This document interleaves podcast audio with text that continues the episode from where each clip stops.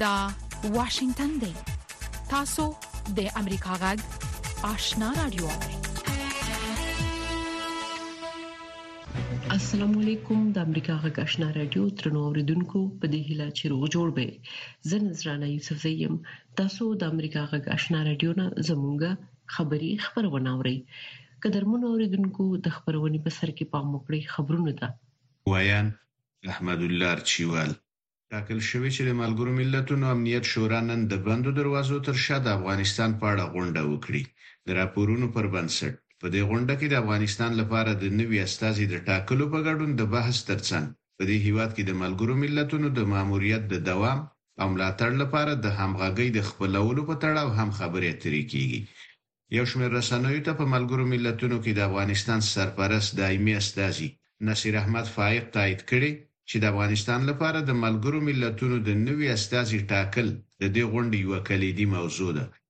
او تر څنګ به یې د دې سازمان سرمنشي انتونیو ګوتیرش د دوحې د غونډې په تړاو خپل راپور او د نوي استازي د ټاکلو په اړه خپل وړاندیزونه د غونډې ګډونوالو ته وړاندې کړي. د دوحې غونډه د فبرورۍ پر اتلسمه او نولسمه نېټه وشوه. طالبان وايي، جوزجان کې یو کس قصاص کړي. د طالبانو سترې محکمې له خوا په یوې خپرې شوې اعلامیه کې ویل شوي، په جوزجان ولایت کې پر یوه قاتل د قصاص حکم عملي شو. په اعلامیه کې د قاتل نوم نظر محمد یاد شوی چې د فاریاب ولایت د بلچراغ ولسوالۍ اصلي اوسېدونکی و او د طالب چارواکو په وینا په جوزجان کې اوسېده او څه باندې دوه کاله وړاندې یو کس په چاقو وژلی و. د طالبانو سترې محکمې ویلي، یاده موضوع د درې ګونو محکمو، ابتدایه، مرافع او تمیز لخوا په دقیق او مکرر ډول ارزول شوې چې په پایله کې یې د قصاص حکم صادر او تائید شو. د طالبانو د حکومت د عامې روغتیا وزارت وايي، د کوچنیانو د پولیو ضد واکسین کمپاین په ترڅ کې به چې نن د افغانستان په یوویشتو ولایتونو کې پیل شو، تر پنځو کلونو کم عمره اووه اعشاریه شپږ میلیونه کوچنیان واکسین شي. د دې وزارت ویاند شرافت زمان د طالبانو تر کنټرول لاندې باختر خبري اژانس ته ویلي، چې د پولیو د واکسین دغه دویم فرعي کمپاین به څلور ورځې دوام وکړي. د طالبانو د ټولګټو وزارت یو چارواکی وايي چې د درنو واورو او توپان له کبله د سالنګ لویه لار له تېرې شپې د ټولو وسایطو پر مخ وتړل شوه. د دغه وزارت ویاند محمد اشرف حقشناس نن په خپله ایکس شبکه یا پخواني ټویټر کې لیکلي چې په سالنګ کې سخته واوره اوري او په بېلابېلو ساحو کې د واورو داندازه تر یوه متر زیاته ده. حق شناس ویلي چې د ټولګټو وزارت له خلکو غواړي څو تر بلې خبرتیا پورې د سالنګ پر لویه لار تګ راتګ ونه کړي. د سالنګ لویه لار پلازمېنه کابل له نهه شمالي او شمال ختیځ ولایتونو سره نښلوي. دا په روان ژمي کې څووم وار دی چې د سالنګ لویه لار د ټرافیکو پر مخ تړل کېږي. له امریکا غږ څخه خبرونو ته دوام ورکوو. د اسراییلو پوځ د غزې له سویلي ښار رفح څخه د فلسطیني ولسي وګړو د ایستلو پلان د حکومت جنګي کابینې ته سپارلی. دا وړاندیز وروسته له هغه شوی چې د اسراییلو لومړي وزیر بنیامین نتنیاهو ژمنه وکړه چې د رفح په ښار کې د اټکل شوي یو نیم میلیون وګړو د وضعیت په اړه د نړیوالو له اندېښنې سره سره د پوځي بریدونو لپاره فشار راوړي. نتنیاهو ټینګار وکړ چې دا پوځي عملیات کولی شي چې د هغه هیواد په څو اونیو کې د حماس پر وړاندې بشپړې بریا ته ورسوي. د هنګري پارلمان نن په ناټو کې د سویډن غړیتوب ته رایه ورکوي. په دې اړه مو دې راپور ته پام راګرځوو.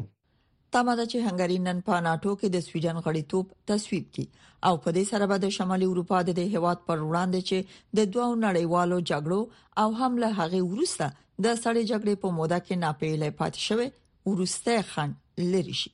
اټکل کیږي چې د هنګری په پارلمان کې نن په دې اړه د رایو اخیستو بهیر خپه مخلاړ شي او هغه هم ورسته لدی چې د سویډن صدر اعظم اولف کریسترشون د تیر شنبه په ورځ د فبرवरी په 13مه له هنګری نه د کتنې په ترڅ کې د دواړو هیوادونو ترمنځ د وسلو یو موافقه لاسلیک کړه د هنګری له نننې اقدام سره په ناتو کې د سویډن د غړیتوب پروسه چې څو میاشتې ځنډېدلې بشپړ شي ناشاباشنا امریکا غاک واشنگټن ایران د امریکا د متحده ایالاتونو او بریتانیې لخوا پر یمن تازه بریدونه وغندل او وی ویل چې دا هیوادونه هڅه کوي چې په سیمه کې د کړکېچ زیاتېدو ته لمن ووهي د امریکا او بریتانیې ځواکونو د شنبې پر ورځ په یمن کې د ایران له ملاتړه د برخمنو حوثي یاغیانو پر اتلس اهدافو بریدونه کړي. دا بریدونه په سره سمندرګي او عدن خلیج کې د حوثي یاغیانو له خوا د بریدونو په ځواب کې وشو. د ایران د بهرنیو چارو وزارت ویاند ناصر کنعاني په یوه اعلامیه کې ویلي، امریکا او بریتانیه په دغسې بریدونو سره په سیمه کې د کړکېچ د زیاتولو هڅه کوي او غواړي د جګړې او بې ثباتۍ لمن پراخه کړي.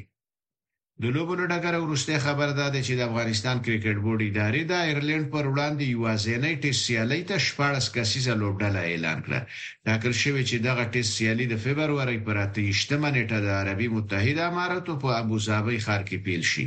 رحمانالله ګربز، او خلیل ګوربز دوه هغه لوبغاړي دي چې په لومړي ځل ټیسټ نوملړ کې شامل شوي دي.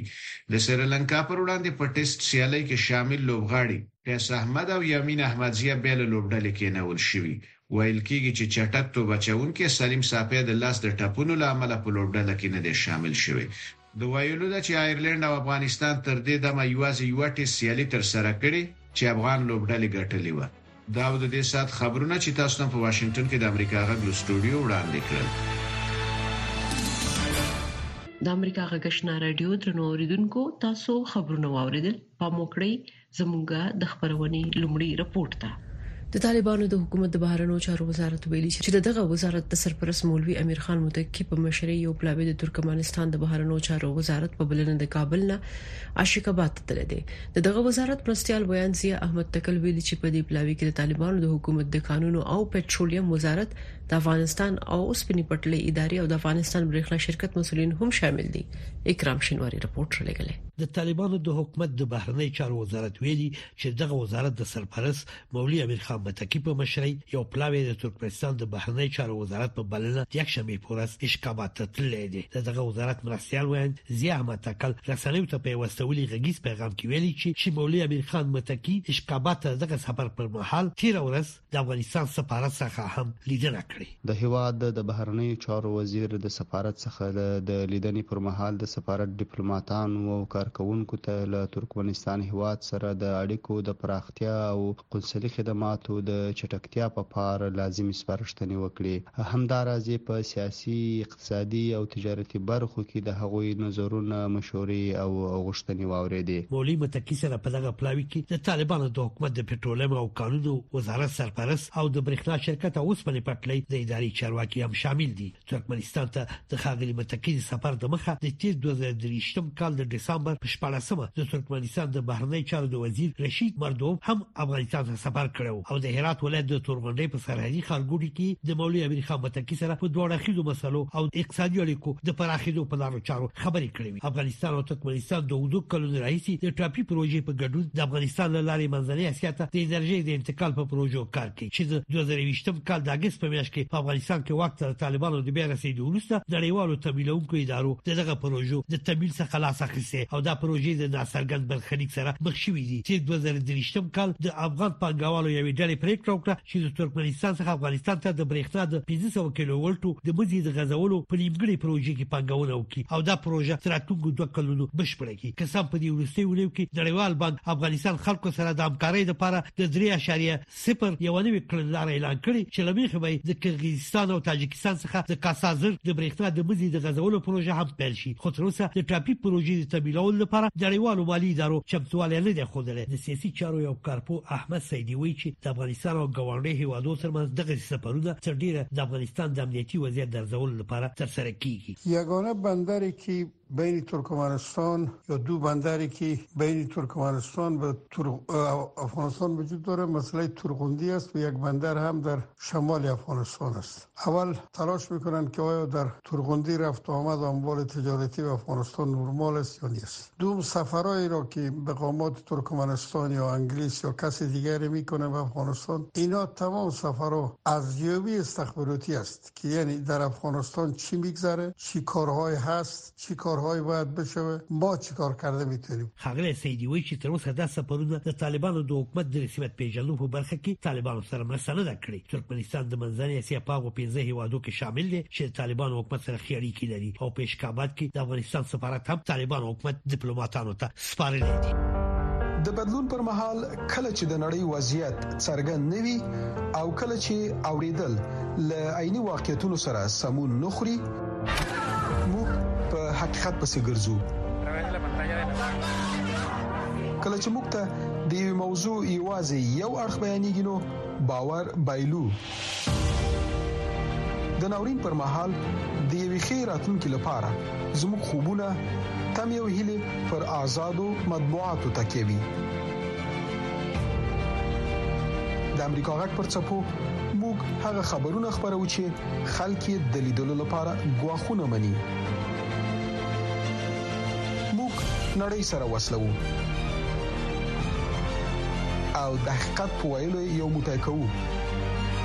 د امریکا غږ لاري موږ بشپړ انزور درکو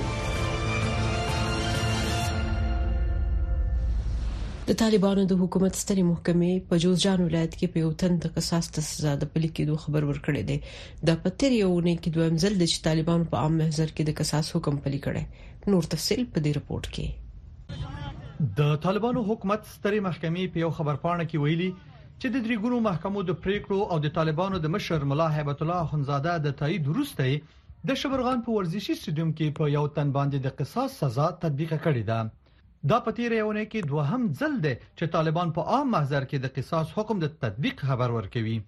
د دې سربېره طالبانو په تیرو دوه ورځو کې په سرپل بلخ او لغمان ولایتونو کې د یوې خځې په ګډون شپږ تنه په درو هم وهلې دي کومه یو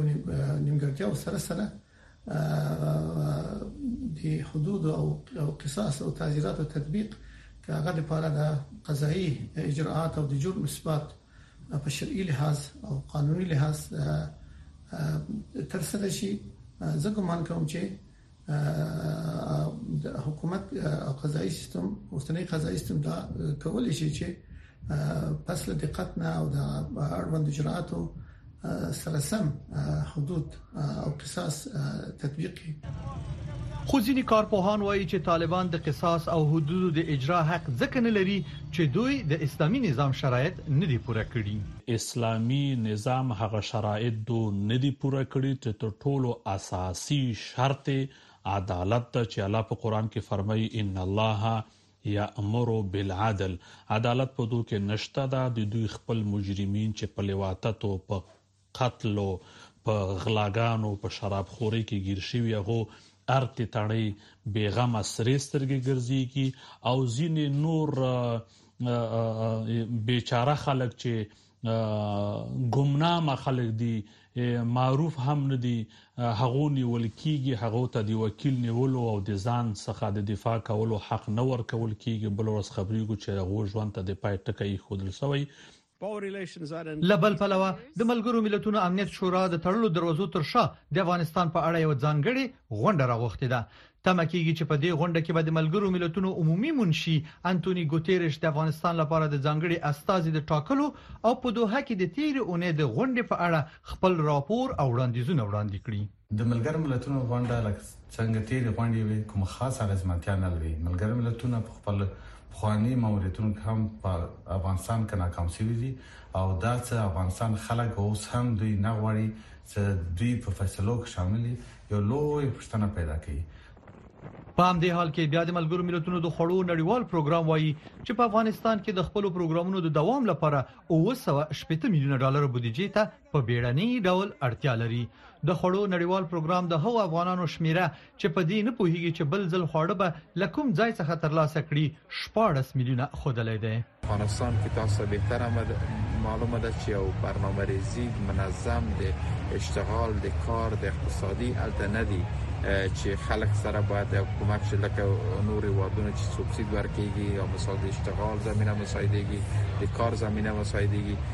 د سب منظم برنامه الته نشته او خلک ډیر احتیاج ته باید خلک سره کومک شي په داسې حال کې چې په افغانستان کې ورستي ورختونو خلک هیله من کړي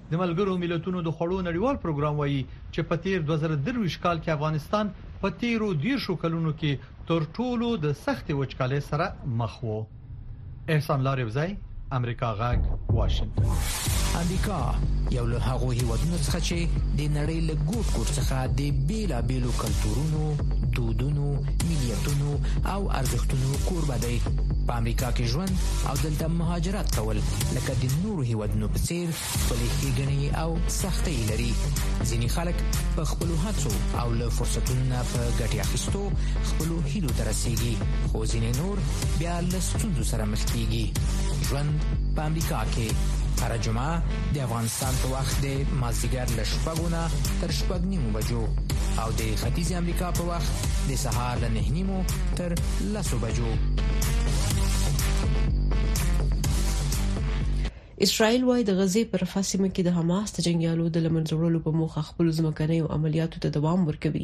د عملیاتو سره همزمانه په دې پنځه میاشتنۍ جګړې کې د نوي اوربند او نورو برمته کسانو د خلاصون لپاره د منځګړیتوب هڅې هم روانې دي. پام وکړئ دې رپورټ ته. د اسرایل پوځ د یک شنبه په ورځ د هغو ځمکنیو بریدونو او چاودنو ویډیو خبره کړه چې وی په غزې تړانګه کې د وسلوالو جنگیالیو د مرکزونو ورانول خي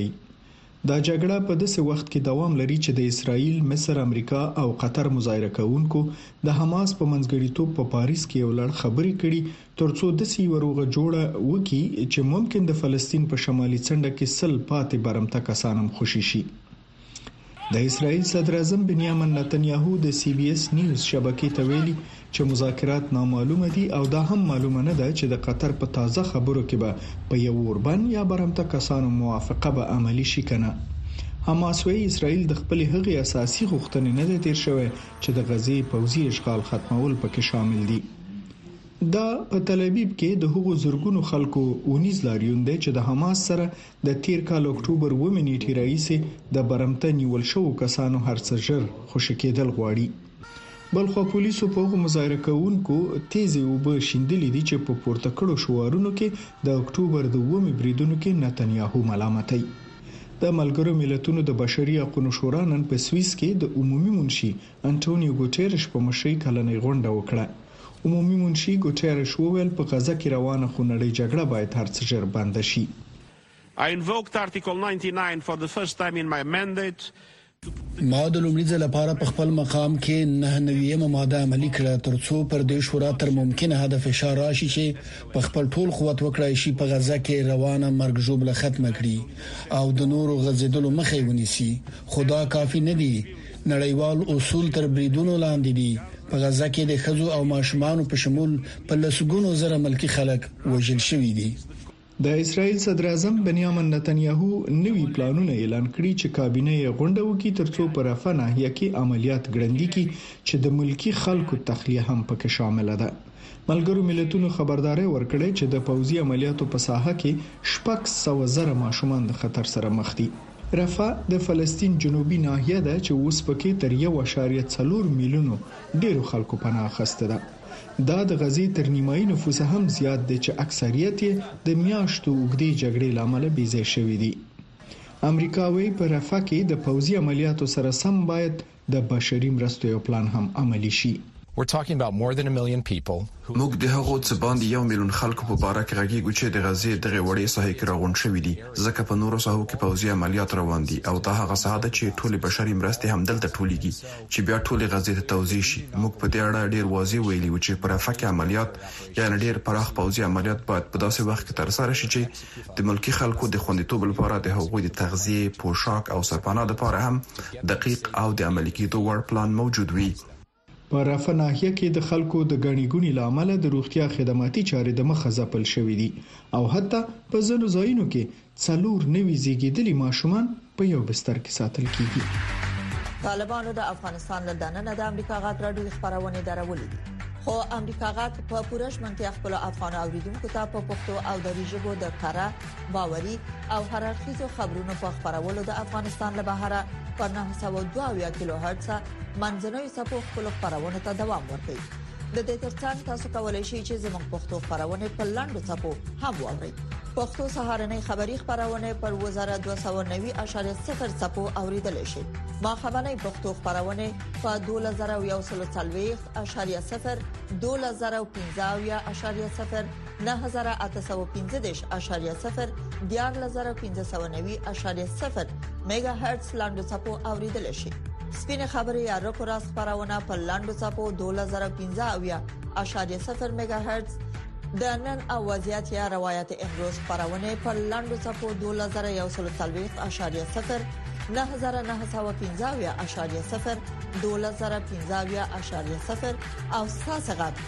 یا صداي شما خبرونه پر لاندو صفو 2015.0 9315 میگا هرتز اوریدل شي د اوکرين سره د وسلو د مرستې مسله یو ځل بیا په اروپا او امریکا کې مطرح شوې ده همدارنګ د خلکو د مرګ جوړلې پر مخنیوي ټینګار شوې ده د اوکرين ولسمشر ولادمیر زيلنسکي په نږدې میاشتو کې د سولې د دوو غونډو د جوړېدو خبر ورکړي خو دا چې آیا روسیه به د سولې کوم طرح ومني کنه په دې اړه د زيلنسکي په باور کوم ضمانت نشته دا د اوکرين د دونيتسک په حوزه کې د ریلګاډي یو تمځای دی د راپورونو لمخې د غسیمه د روسیې په رهبری کیدونکو راکټونو وشتل شوې ده د روسیې د پوزي مشر تازه انزورونه هم راوتلي چې د اویروکا په خارګوټ کې ګرځي دا سیمه د فبرورۍ په ولسمه د اوکرایني ځواکونو د کنټرول وتلې و د اوکراین د دفاع وزیر روستام عمروف ویلي چې د هیواد اراده یې ټینګه ده خو روان مقاومت وسلو ته اړتیا لري د جګړې په محاسبو کې موږ دښمن ته نظر اچوو د هغوی اقتصاد دوه ترلیونه دی اساسا د ژمنې مطابق چې څه ژمنې شوې په وخت نه رسیږي او موږ به ولس او جغرافیا له لاسه ورکړو د امریکا د ملي امنیت شورا سلاکار جیک سالیوان د ای بي سي شبکې په یوې ټلویزیوني خبرونه کې راڅرګند شو او د کانګرس د استازو جرګې د جمهوریت غوښتونکي رهبر مایک جانسن څخه وغوښتل چې د 1.8 میلیارډ ډالرو په ارزښت د اوکراین سره د مالي مرستو بودیجه تصویب کړي. سپیکر جانسن که د استادو د جرګې مشر بودجه د تصویب لپاره عمومي مجلس ته وړاندې کړي نو دا به د اوکرين سره د مرستو په پار رائے وګټي مونږ ورته عمل په سنا مجلس کې ولید که مونږ د مرمیو تشه ډک کړو نو اوکرين به په میړانه ودرېږي او د روسیې په وړاندې به جګړه وکړي سالیوان په داسې حال کې دغه څرګندونې کړې دي چې تازه پر اوکراین د روسیې د یرغل نه دوه کاله پوره شول. فکر کړم چې بریا زموږ ده، ټوله دنیا مو ملاتړ کوي، که اوکراین وبایله نو داسې وګڼه چې ټوله نړۍ د یوه هیواد پر وړاندې مغلوبه شوې ده.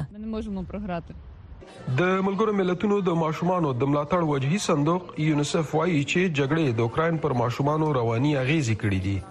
د کاتولیکو عیسویانو رهبر پاپ فرانسیس د یکشنبې په موعظه کې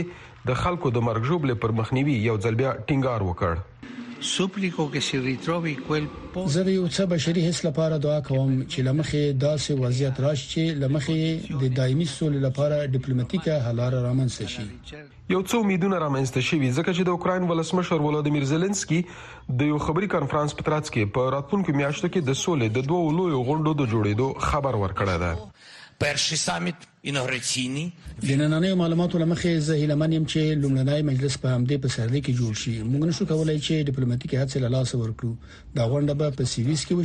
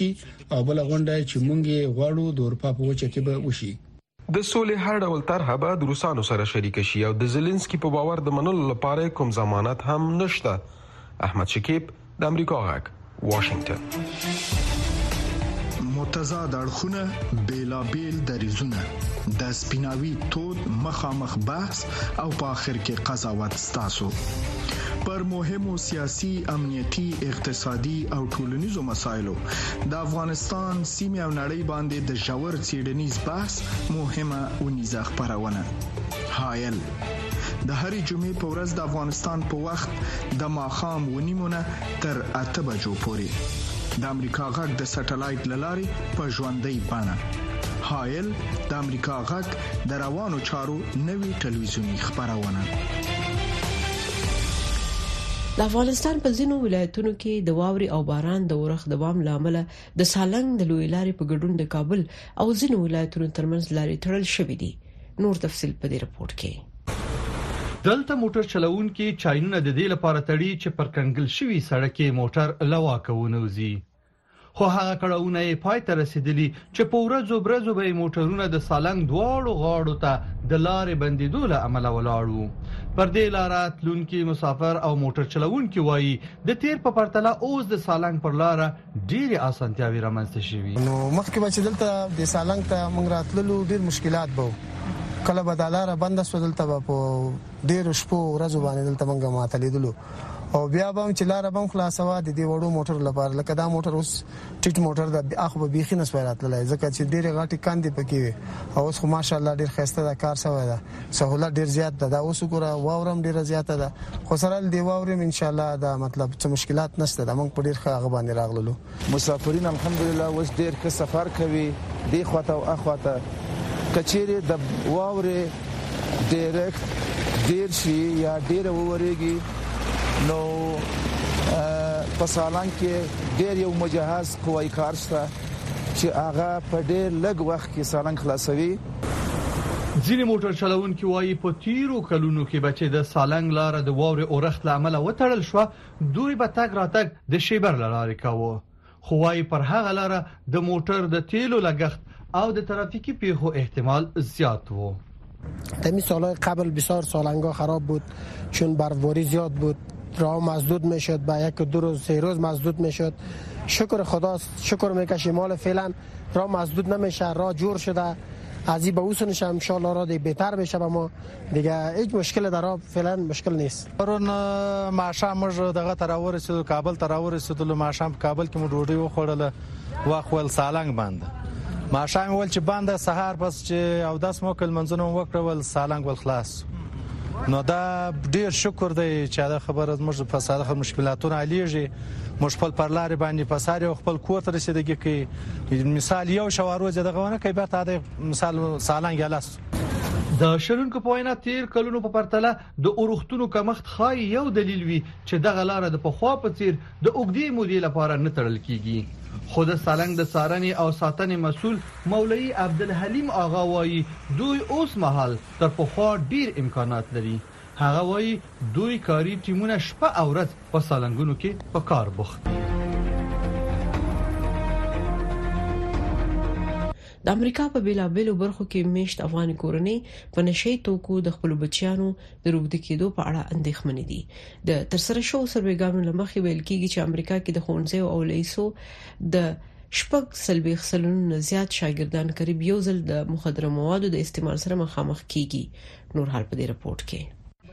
په کالیفورنیا ایالت کې د نشي توکو د زیانونو په اړه د پوهاوي کمپاین پیل شوی دلته مش افغان ځوانان هم د خپل امریکایي همزولو سره د پوهاوي د دې بهیر سره مل شوی او غواړي چې د مخدره موادو د زیانونو خبر شي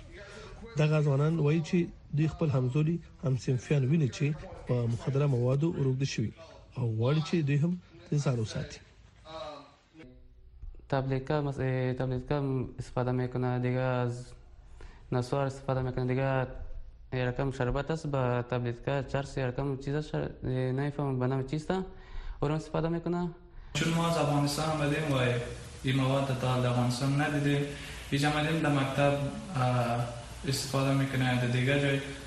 ما میخوایم که دباریش بفهمیم و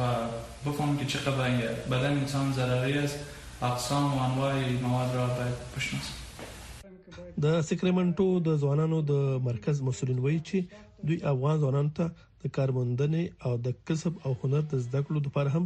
مشورې پیل کړې دي. دوی وایي چې امریکا ته نوي راغلي افغانان دلته د مخدره موادو د مختلفو ډولونو او زیانونو خبر نه دي او کورنۍ غواړي چې د دې لپاره باید د پوهاوي او مشورو بهیر پیل شي دیدگاهی وجود داشت که مواد مخدر تنها به یک شکل پیدا میشه ولی متاسفانه در جامعه امروزی خیلی انواع گناگون داره و خیلی سریع در دسترس جوانان و نوجوانان قرار میگیره و اینا باید مطلع باشند که حتی در بعض موارد شاید خواسته یا ناخواسته از طرف دوست مورد پیشنهاد قرار میگیره برایشان باید اینا خیلی آگاه و هوشیار باشند د مخدره موادو د مخنیوي لپاره موږ ډیر پروګرامونه لرو د بېلګې په توګه په دې خونه کې د امریکايي او افغان زده کوونکو لپاره یو پروګرام لرو. دغه پروګرام کې دغه ډلې زده کوونکي سره یو ځای کېږي او د چرسو د زیانونو په اړه معلومات ترلاسه کوي، وروسته یو پاډکاسټ جوړوي او بیا له نورو زده کوونکو سره دغه پاډکاسټ شریکوي، چې دا خورا ښه کار دی. د ملي سروې د معلوماتو په اساس، امریکا کې په تېر میلیده کال کې قریب دوه اعشاریه اته میلیونه ځوانان چې عمرونه یې د دولس او اوولس کلونو ترمنځ دي، په مخدره موادو اخته شوي، چې دوی کې درې اتیا سلنه یې د ماروانا په نوم نشه یي توکی استعمالوي. امریکا ته نوي راغلي افغانان په دې اړه سخت اندېښمن دي، چې امریکا ته راتګ نه پس هم دوی د نشه یي توکو د مصیبت نه خلاص نه شول.